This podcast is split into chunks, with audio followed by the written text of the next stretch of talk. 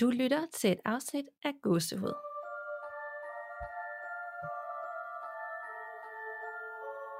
Hej Marie-Louise. Hej Nana. Og hej til alle jer derude, der lytter med. Og velkommen til et helt særligt afsnit, som er en fredag den 13. special. Og så også med øh, en gæst. Danika, hun øh, kunne ikke være med i dag, så øh, i stedet for så har jeg inviteret dig, Marie-Louise. Og velkommen til dig. Tusind tak, og det er jeg simpelthen så glad for. Og jeg er rigtig Ja. bange. Ah, det er fantastisk. Øhm, til dem af jer, som ikke ved det, det er jo nok de fleste af jer, så er Marie-Louise en af mine aller, allerbedste veninder. Øhm, og øh, hun bor i London. Trist for mig, men øh, ja. Trist for mig pt. også. Jeg er i lockdown. ja, ej, shit. Det er lige før alt det, der sker med hele den her virus, er mere uhyggeligt end alt det, vi skal fortælle om i dag. ja, jo, på sin vis. Øhm, jeg kan stadig godt sove om natten, når det kommer til corona, men øh, det kan jeg sgu ikke over det her. Altså, øhm, jeg, jeg er virkelig nervøs. Det har jeg jo sagt før. Jeg er faktisk sådan, når jeg har lyttet til gåsehud, så kan jeg ikke sove. Nej. Øhm, så det skal nok blive rigtig spændende det her. ja, det skal det. Ej, jeg håber virkelig, at du kommer til at kunne, øh, kunne sove i nat. Jeg har sådan hørt fra flere af sådan nogle horror-eksperter, som siger, at jo mere man ser gyserfilm og beskæftiger sig med alt det her, jo mere hærdet bliver man, fordi man ligesom sådan øver sig på at takle Okay, frygt og angst og sådan noget. skide godt. Yes. Skide godt. Så det er faktisk en form for terapi, jeg er i gang med lige nu. Det er perfekt. Ja, nemlig. kan du fortælle lidt mere om, hvordan du har det med hele den anden verden og sådan? Jamen, jeg har, det, jeg har det ret stramt med det, og jeg tror, at grunden til, at jeg har det ret stramt med det, er, at jeg er åben, øh, desværre. Og jeg, jeg har det med, at når jeg går ind i den, jeg vil gerne lige hurtigt disclaimer, at jeg har rigtig svært nogle gange ved at snakke dansk, og det er simpelthen fordi jeg boet i England i mange år, så jeg kommer til at blande sprogen lidt sammen, så undskyld far, jeg ved, at det kommer til at gå ondt på dig det her, men jeg gør det så godt, som jeg nu kan. Øhm, Selvfølgelig. men ja, øh, siden jeg var barn, min mormor har fortalt mig, at jeg så engle i rummet. Jeg talte til luften, Ja. basically.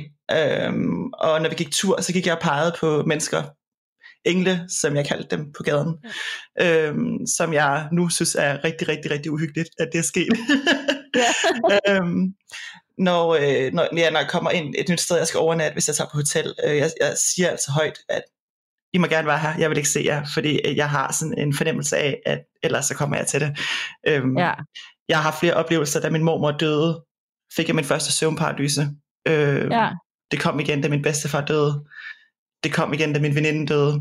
Øhm, hvor jeg også har fået prik på skulderen, øhm, efter jeg har besøgt hendes grav, og så videre. Øhm, og det er altid mellem, når jeg vågner og jeg sover. Jeg er ved at tage, Ja. du ved, lige ved at falde i søvn, så føler jeg rigtig meget tilstedeværelse. Øhm, som jeg vil ønske, jeg ikke gjorde. Men det er også, det er også spændende. Øhm, så jeg, jeg, jeg, jeg tror desværre, jeg er rimelig åben. Og jeg prøver at lukke det ned. Ja, ja. Ja, det kommer jeg lige til at tænke på. Jeg kan ikke huske, om vi har snakket om det før, men, men der er i hvert fald flere, der skriver ind til os med sådan nogle øvelser, man kan lave. Øh, blandt andet, når man har været ude, øh, at man kan sige til sig selv, nu går jeg hjem, og øh, jeg går hjem alene, jeg tager ikke noget med mig. Og at man sådan, ligesom, når man er bange og føler, at man kan opleve et eller andet, så kan man også lukke af for det på, på, på nogle forskellige måder. Så det kan være, at vi lige skal sådan Ja, det kan være, at jeg egentlig bare lige skal lægge ud i Facebook-gruppen og prøve at repetere alt det, vi har fået af gode råd med alt det her indtil videre. det kunne være rigtig fedt, hvis folk de kunne sende ja, nogle gode råd, Ja. så jeg bare kan få lukket ned for det. Øhm, Ja, en gang for alle. jeg bliver rigtig træt af det. ja, det kan jeg godt forstå. Det, det gør jeg. Jeg starter en tråd ind i Facebook-gruppen, og så øh, finder jeg lige alle de råd, vi har fået indtil videre i lytterberetninger og sådan. Og så, øh, så kan folk skrive ind med flere råd og ting, der har virket for dem. det vil være dejligt. Tusind tak. Selvfølgelig. Selvfølgelig. Og det er også sjovt med de her søvnparalyser, fordi at, øhm, jeg tror ikke, jeg sådan var særlig meget inde i, hvad det var, før at vi to begyndte at snakke om, at vi begge to oplevede de her ting. Ja, det kan jeg Øh, godt huske. Ja, så ulækkert, og det er sjovt, at du sådan oplever dem, øhm, når du er ved at falde i søvn, fordi jeg oplever dem oftest, når jeg skal til at vågne. Ja, øh, det er meget forskelligt. Øh, jeg, jeg tror, når det har været omkring dødsfald, så har det været, når jeg var ved at falde i søvn.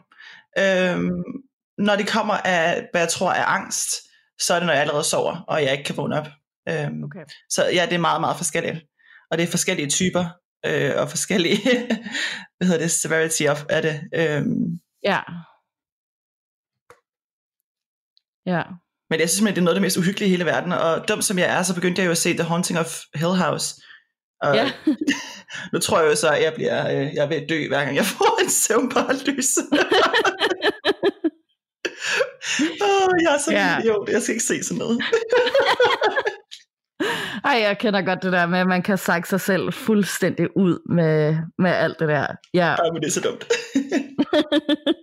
Men øhm, apropos, apropos Honning of Hill House, så har vi jo lige noget sjovt, synes jeg i hvert fald. Jeg har jo lidt fortalt før, at øh, du har fortalt mig en historie omkring, hvor du har oplevet noget. Du var til øh, julefrokost på det her slot ude i Kent, uden Ja. for London. Kan du, ikke, øh, kan du ikke fortælle lidt om det selv? Jo, det kan jeg godt. Øhm, og det er nemlig rigtig sjovt, fordi jeg vidste, vi skulle optage i dag, så i går, så satte jeg mig til at research lidt på det her sted. og det skulle jeg simpelthen aldrig nogensinde have gjort. Det var så dumt, men bare lige, øhm, hvad der rent faktisk skete, det var så, at øhm, ja, direktøren fra mit kontor her i London, han havde booket en julefrokost med overnatning øh, i Kent på noget, der hedder The Pick Hotel, som er en team ude for London. Øh, og det har vi selvfølgelig glædet os sindssygt meget til alle sammen, og det lød mega lækkert, og vi har set billeder derfra, sådan en rigtig gammel, øh, du ved, mansion på, på landet i England. Ja. Sindssygt flot. Ja. Øhm, og så om morgenen fik jeg det rigtig dårligt over, at jeg skulle afsted. Øhm, rigtig skidt, og det var virkelig underligt. Det var bare sådan, jeg havde bare ikke lyst til at tage afsted.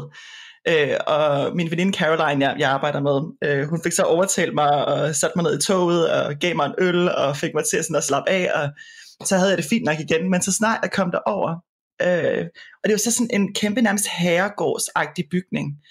Ja. Øh, så flot, øh, men virkelig, virkelig tung atmosfære. Øhm, og noget af det første, vi, øh, vi gjorde, det var, at vi satte os ind i et opholdsrum, der lå ved siden af, øhm, ved siden af entréen. Og det var der, jeg skrev til dig, øh, da vi startede med at se Haunting of Bly Manor, fordi at det opholdssted, øh, opholdsstudie sidder i, i helt starten, med hende, Ja. fortælleren, sidder og snakker med det der brudepar. Ligner det fuldstændig. Øhm, så jeg ved ikke, om det er blevet optaget der, men bare så I har en idé om, hvor det her sted, hvordan det ser ud. Ja, ja. Øhm, det var meget interessant. Øh, jeg kommer så selvfølgelig også før de andre, jeg skal dele værelse med, og med det samme, jeg kommer ind i det her rum, det var så ubehageligt. Øh, det var sindssygt flot, altså fed kaffemaskine, du ved, virkelig fedt restaureret. øh, og så snart de andre var der, så havde det fint. Men øh, hver gang jeg var alene derinde, så fik jeg det rigtig dårligt, øh, rigtig nervøs, rigtig klamt. Øh, og jeg valgte så at tage øh, drømmesengen, mest fordi jeg er sindssygt egoistisk, og jeg gad ikke dele en seng med de andre. øhm, og det er bare lige så I ved, at jeg sover i en drømmeseng til senere på aftenen. Øhm, men ja, vi, øh, vi har så selve julefrokosten i det her main house øh, hall, der er.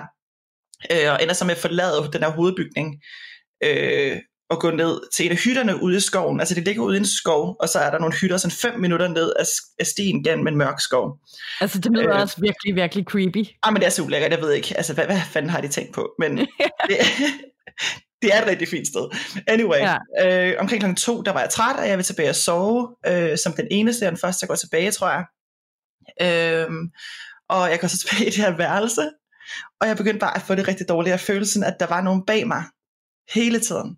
Mm. Så øh, jeg lå i den her drømmeseng, og jeg satte Netflix på, og efter 30 minutter, så kollapser sengen. Altså, den går i stykker, der virkelig i stykker under mig. Og det var efter, jeg sådan følte, der var folk omkring mig. Det var så ulækkert. Øh, så jeg lagde mig over på en sofa, jeg tændte lampen i hjørnet, og så begyndte jeg at se en skikkelse foran lampen over i hjørnet, som lignede, øh, det lignede en kvinde med et tørklæde på hovedet. Øhm, og jeg går jo fuldstændig i panik. Altså, jeg har indspillet voice notes til alle mine venner midt om natten. Min kollega, min kollega i New York sagde, at det lød som, som snippets fra Blair Witch Project. De var Ja, det gjorde det fuldstændig også. I'm so scared. Øhm, ja, det var, det var virkelig, virkelig uhyggeligt. Øhm, Så jeg ender med bare sådan at spæne ud tilbage. Jeg vælger rent faktisk at gå igennem den der skov helt alene. Tusmørke, bare for ikke at være inde på det Uh. værelse. Øhm, da jeg kommer tilbage igen, der har jeg de andre med. Så var det fint. Det var så snart jeg var alene derinde, så var der en eller anden form for tilstedeværelse, øhm, som jeg også så. Og det er første gang, jeg nogensinde har set noget. Øhm, så ja, rigtig ulækkert. Det var, ikke, Det er det var en ja. lang historie, men ja, så klamt. Virkelig klamt. så ulækkert. Jeg kan godt forstå, at du er bange. Og det er også bare, stemningen er nærmest til værste. Selvfølgelig at se det er rigtig, rigtig klam, men den der følelse af, at der hele tiden er nogen bag dig, eller hele Ja. tiden er nogen, der kigger på dig. Åh, så klamt. Ja, det kunne jeg virkelig godt forestille mig. Jeg har heldigvis aldrig prøvet det, men, men jeg, jeg kunne virkelig godt forestille mig, at det var helt forfærdeligt. Klammest jeg nogensinde har oplevet. Ja. Men ja, så var det jo så, at idioten her, hun begyndte at gå på Google i går. Øh, og så slog jeg nogle øh, forskellige steder op, øh, og så så jeg, at der var et sted, der var haunted, og jeg tænkte, thank God, det er ikke det samme sted. Jeg finder så ud af, at det er det samme sted. Det har bare fået et nyt navn. Super. så det er rigtig great. Øhm, men ja, bare lige sådan noget historie bag den her bygning var, at sådan selve manholen var bygget helt tilbage i år 598. Så det er virkelig gammelt. Øhm, og dengang hed det Blackmanbury Manor. Øhm, og så blev det så udvidet og genopbygget i 1600-tallet af en, der hed, og det er mit yndlingsnavn, Sir Arnold. Som så kaldte det Bridge Place Manor i stedet for. Øhm, og det er så, den her fyr, han var sådan et samlingspunkt, du ved, for alle prominente gæster, og der var rigtig meget liv, der, der var masser af middag, masser af druk, øhm, og på grund af den livsstil øh, og fokus på underholdning, så holdt han det ikke ved lige, og selve underholdningen var åbenbart også med til at rent faktisk smadre stedet fuldstændig, så Okay.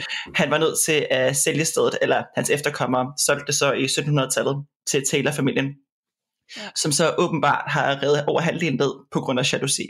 Han ejede andre bygninger i området, og var misundelig, og så købte han det og rev halvdelen ned. Øhm, men Ej. der er så den her ene wing tilbage, så er den bygning, der stadig er der, hvor jeg så har været. Øhm, og det har været sådan en super prominent samlingssted, hvor Lord Nelson har været der, øhm, og mange andre store politikere, øh, og hvad hedder det, war heroes og stuff, øhm, har været forbi, og ja, og boet der, opholdt der, øh, opholdt sig der rigtig, rigtig meget.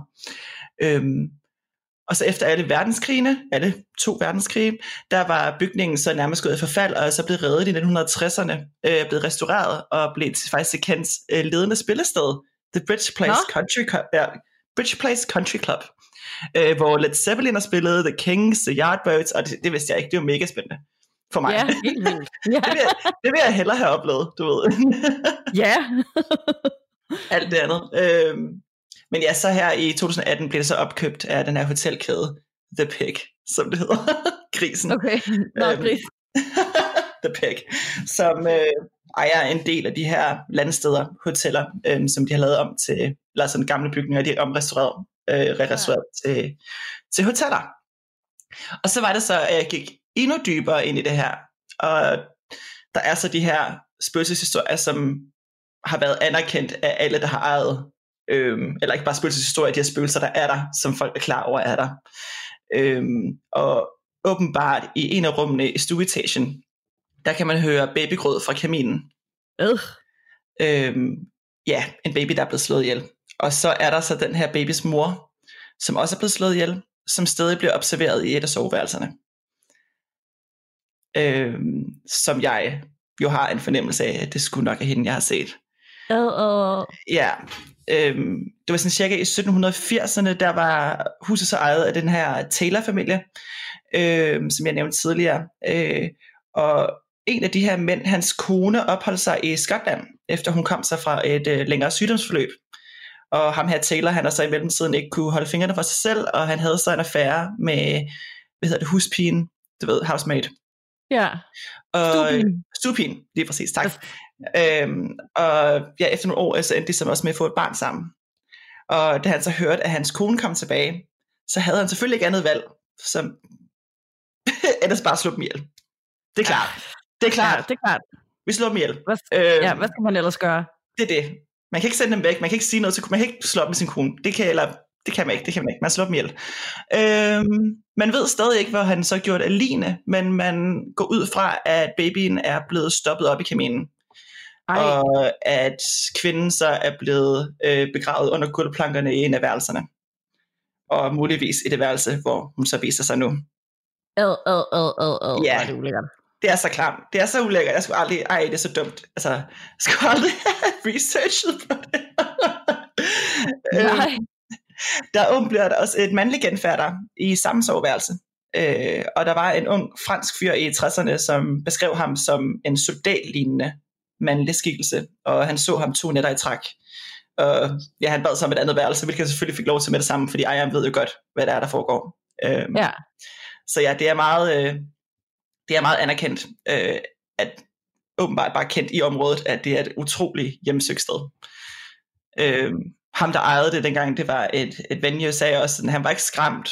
Jo, han var det, da han flyttede ind, og han oplevede al den aktivitet, der var i huset. Øhm, men han, er ikke, han var ikke generet af det længere. Han var vant til dem, og de var vant til ham, og han så kvinden sådan hver måned, hver anden måned, og han havde hørt babyen, men det var sådan meget længe siden, at det var okay. sket. Øhm, og bare lige for at uh, putte lidt ekstra på øh, historien her, så ham Peter Malkin, der ejede det dengang, det var et spillested. Han var også sindssyg, øh, og havde taget til Frankrig og kidnappet sit eget barn, og gemt ham i den her bygning. Så de ender sikkert også med hjemsøgte, når de er døde. Altså, jeg ved ikke. Vanvittig historie. Ja, ej, ej, hvor vildt. ja. Så det var et fedt sted. Jeg lige var til julefrokost. Tusind tak, James, for at tage mig derud. Ej, ja, det er godt nok en vild historie. mm. Det er ligesom, altså, jeg synes, jeg, sy- vi har nogle vilde, vilde historier herhjemme. Øh, og i sidste afsnit, der fortalte jeg også om Struen til blandt andet. Han har virkelig også en vild historie. Og faktisk også endt med at hjemsøge et spillested, fordi han blev begravet under der, hvor Vega ligger nu. Åh oh, ja, det har jeg hørt. Ja, øhm, men der er bare noget over de der engelske steder, fordi det er sådan i den der viktorianske, gotiske stemning, mm. Mhm. det tit er, ikke? Og Jo. hold kæft, for lyder det vildt. Jeg fik så mange associationer til alt muligt, mens jeg hørte den der historie. Også, øh, ja, bare det her med, at ham, der øh, ledede spillestedet, kidnapper sin egen søn, det giver mig sådan nogle associationer til, øh, til øh, jo, var det ikke det, du sagde? Jo, Ham, der havde, jo, Yes. jo, jeg troede, du snakkede om Vega. Jeg tænkte, nej, det er for mærkeligt. Er der sket to steder? Nå! ah, nej, trods alt ikke, trods alt ikke. Øhm, Okay. Spillet er det kendt. Jeg er med, jeg er med. øhm, men det minder mig om sådan en film. Jeg kan ikke huske, hvad den hedder. Det, den er sådan lidt sinister øh, og det er med Ryan Reynolds, er jeg faktisk ret sikker på. Hvor at øh, ham og hans kone og barn flytter ind i sådan et hus, der, der er hjemsøgt nemlig. Og så alle, der flytter ind i det her hus, de bliver ligesom besat af de her under og gør de samme ting. Så jeg kan ikke lade være med at tænke på sådan, kan jeg vide, om det er Øh. hele den her energi, der er i huset, der gør folk lidt skøre, når de, øh, når de er Ej, der. det er det sikkert. Ej, så har jeg også en god undskyldning for, at jeg er lidt blevet lidt dum. Det er da bare fordi, jeg, jeg, jeg sovet der en enkelt aften. Ej, men det er jo ligesom i, er det, er det ikke også i The Shining? Jo, Der sker det jo det også. er der.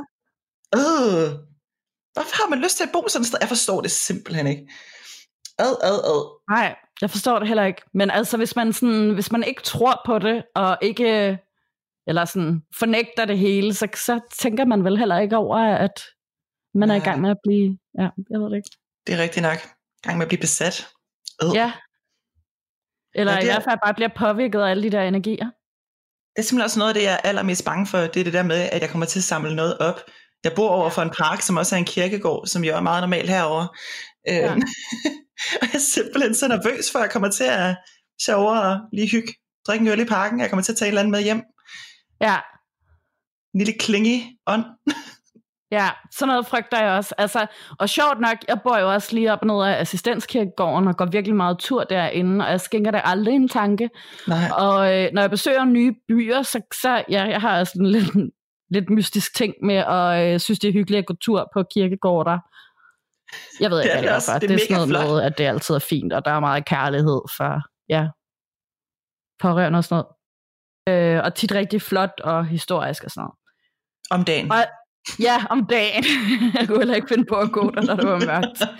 Trods alt. Øhm, men, men sjovt nok, så har jeg aldrig rigtig tænkt over at være bange for at tage noget med mig hjem derfra. Men sådan nogle rigtig gamle bodegaer, mm. som vi sjovt nok tit går på, dem Ej. er jeg bange for. Nej, ikke vores favoritsteder. Nej, Nej. Men sjovt nok, altså fordi, jeg tror, at det er fordi, at øh, der er sådan en historie fra et gammelt øh, åndernes magt afsnit, hvor der var en dame, der, var, der havde fået sådan en virkelig ond klæbeånd med hjem fra en eller anden bodega. Ej, ja. nej, nej, nej. Så har jeg bare tænkt sådan, ad. Ej, jeg elsker bodega, nej. Ej, nu er der mere, jeg skal være bange for i hverdagen. Hvor dejligt.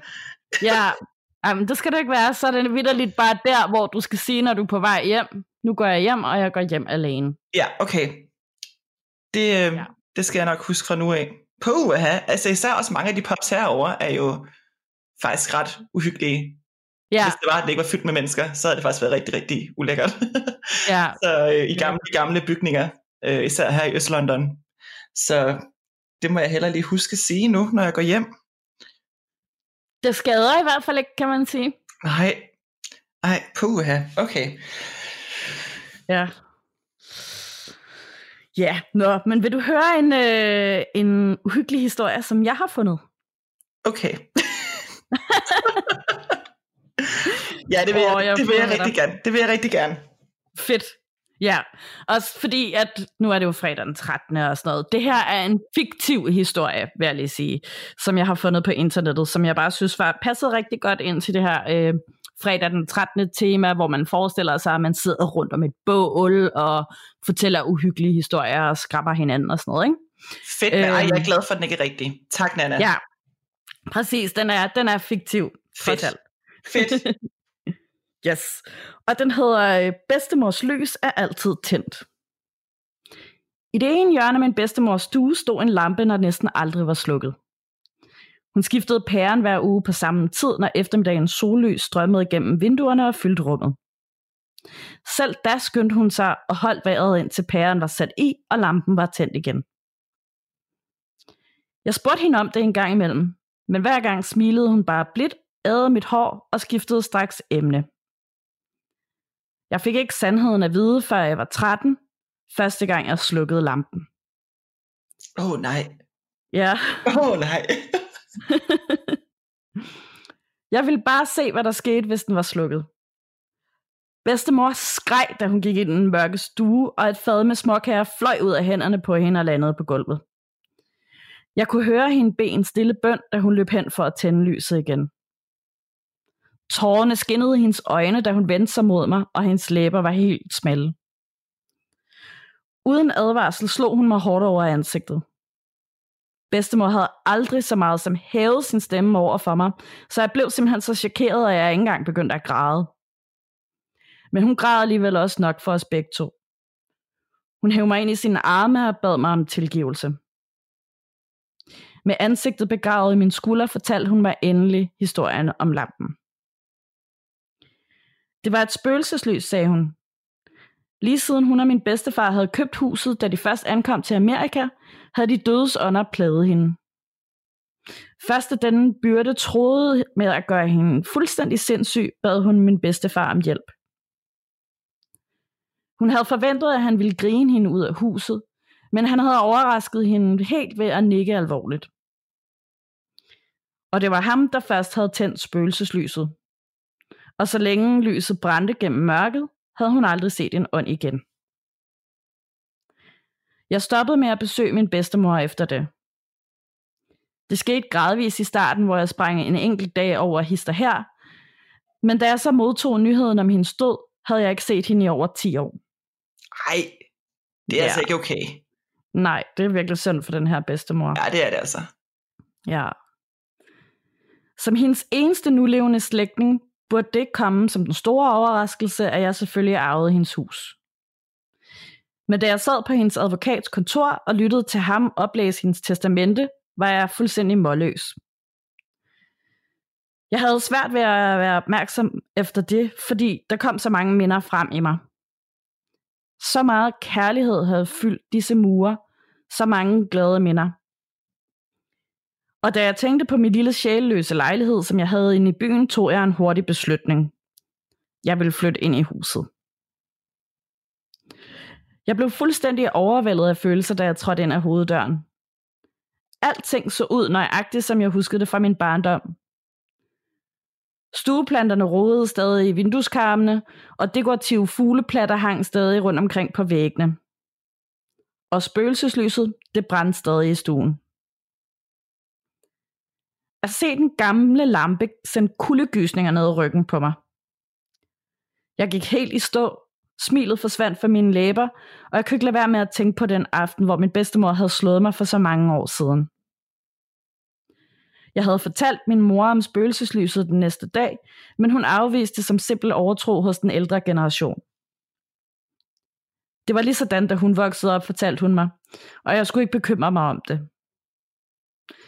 Alligevel kunne jeg ikke ryste overbevisningen om, at jeg endelig havde set den sande dybde af min bedstemors sindssyge.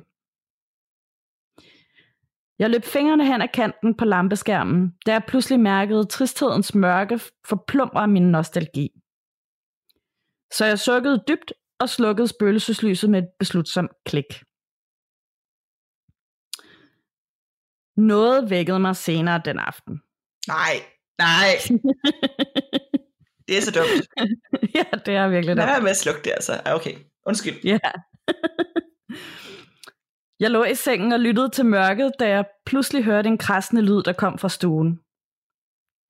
Det sidste, jeg kunne overskue lige nu, var rotter, så jeg rullede om på den anden side med et suk, fast besluttet på at ignorere det, indtil det blev morgen. Krasselyden fortsatte med mellemrum og hævde mig konstant tilbage, lige så snart jeg var ved at falde i søvn. Til sidst fik jeg nok. Jeg kastede dynerne fra mig og stormede i gangen. Måneskinnet strømmede ind af forsiden af huset, og jeg gad ikke tænde lyset, da jeg gik hen imod stuen.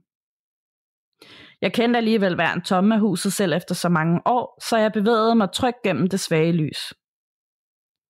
Jeg var rasende over at blive vækket fra en god søvn, og min vrede forberedte mig absolut ikke på det, jeg så. En ældre kvinde sad i hjørnet, helt krøllet sammen, med sin magre ryg imod mig.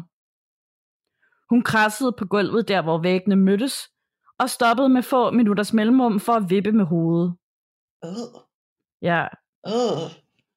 En knoren af frygt udfoldede sig i maven på mig, og jeg havde ingen idé om, hvordan den her kvinde var kommet ind i mit hus, selvom det var tydeligt, at hun har brug for hjælp. Det tog mig noget tid at samle modet til at nærme mig hende, og min hånd rystede, da jeg strakte mig ud for forsigtigt at prikke hende på skulderen. Jeg ville spørge hende, hvor hun boede, og hvem hendes væve var, men ordene forsvandt fuldstændig fra mig, da hun vendte sig om, og jeg så hendes ansigt. Hendes øjne var kulsorte. Det var nogle bundløse huller, der ikke reflekterede måneskinnet. Hendes kæbe hang helt åben, fuldstændig løsrevet fra ansigtet, og munden snorede ned ad halsen som en mørk tunnel.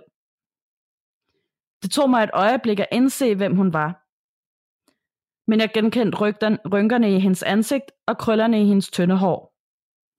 Og så skreg min bedstemor af sin lungers fulde kraft. Jeg skreg selv op og snublede bagover væk fra mareridtet i hjørnet. Min arm svævede frem for mig i luften og nåede frem til den nærmeste lampe. Min hænder fik fat i spøgelseslyset.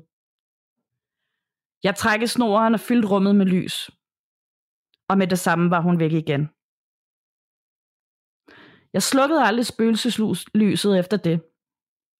Efter jeg havde lavet pæren brænde ud en aften, begyndte jeg at skifte den hver uge, som bedstemor havde gjort. Til sidst blev jeg gift, og heldigvis for mig var min kone tolerant over for min mærkelige besættelse af lampen. Lyset fortsatte med at brænde, og jeg levede mit liv ganske lykkeligt. Men mit barnebarn har spurgt om spøgelseslyset for nylig. Hver gang han spørger mig, så smiler jeg blidt, ærer hans hår og ændrer straks emnet. Af en eller anden grund kan jeg ikke få mig selv til at fortælle ham sandheden. Jeg tænker på, hvordan jeg trak mig væk fra min bedstemor, hvordan jeg synes, hun var skør, og derfor holder jeg munden lukket. Åh. Ja, men jeg er meget bange, for jeg ved, at jeg ikke er her for evigt, og jeg ved, at han en dag vil slukke for spøgelseslyset selv. Og jeg er rigtig bange for, at han kommer til at se mig, fordraget og forpint, krasse i hjørnet.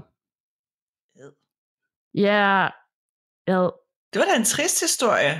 ja, det er en ret trist historie. Ej, men altså, der er en ting, jeg undrer mig lidt over, ikke? Jo. nu, kom. Yes. nu, nu bliver jeg kritisk. Øhm, I den tid efter bedstemoren død, du ved, hun skulle skifte pæren hver uge. Hver uge er, Og så var hun død, og så flytter ham her så ind i huset. Inden for en Ja. uge, fordi hvem har, hvem har skiftet den pære i mellemtiden? yes, Altså, det tænkte jeg faktisk også over. Ja. En anden ting, jeg tænkte over, det var, at øh, du burde være øh, audiobook-oplæser, fordi at det er simpelthen så rart at lytte til. Nå, hvor du sød. Det vil jeg bare lige hurtigt sige. Tak. Men fin historie, den var trist, synes jeg. Den var ikke så uhyggelig, som jeg troede. Så Nej. tak, tak for det. Tak for det. Det var, tak, tak. Det var, det var sådan en perfekt øh, fredag den 13. historie. Præcis. Ja. Det behøver ikke være sådan alt for uhyggelig Nej, altid heller. Lige præcis. Det er jeg simpelthen så glad for. Tusind tak. Selvfølgelig. Herligt. Jamen, øhm, det er da lige før, at vi skal sige, at det var det for den her fredag den 13. Ej, øv. Ja, Det var så hyggeligt. det var skide hyggeligt, altså, og øh, du er simpelthen så velkommen til at komme med en anden gang. Også. Det vil jeg så gerne. Så skal jeg nok finde noget rigtig uhyggeligt. Øh, Fedt. Jeg har allerede spurgt mine venner lidt, inden jeg skulle være på her, indtil jeg så fandt ud af, at jeg rent faktisk havde nok i mig selv, som man jo, som jeg Som man jo så nogle gange har. som jeg så tit har. Hvilket er en rigtig god ting i de her Ja, coronatider. det er det. Det er det. Når man er alene i sit hus under lockdown, så er det rigtig godt at have det lidt nok i sig Ja. selv. Øhm, Ja. Ej, men jeg har faktisk allerede et par historier, som jeg tænker, jeg lige skal have øh, grænsket lidt mere i, og høre lidt mere om fra de mennesker, det er sket for. Så det vil Ej, jeg rigtig gerne, fedt. gerne vende tilbage med på et tidspunkt. Yay, det glæder jeg mig mega meget til. Yes, det gør jeg altså også. Yay. Jamen, øhm, så siger jeg i hvert fald tak for den her gang. Tak. Tusind Og tak, tak, for, tak. jeg må være med. det er så dejligt. Og tak fordi I lyttede med derude. Og husk, man ved aldrig, hvad der venter på den anden side.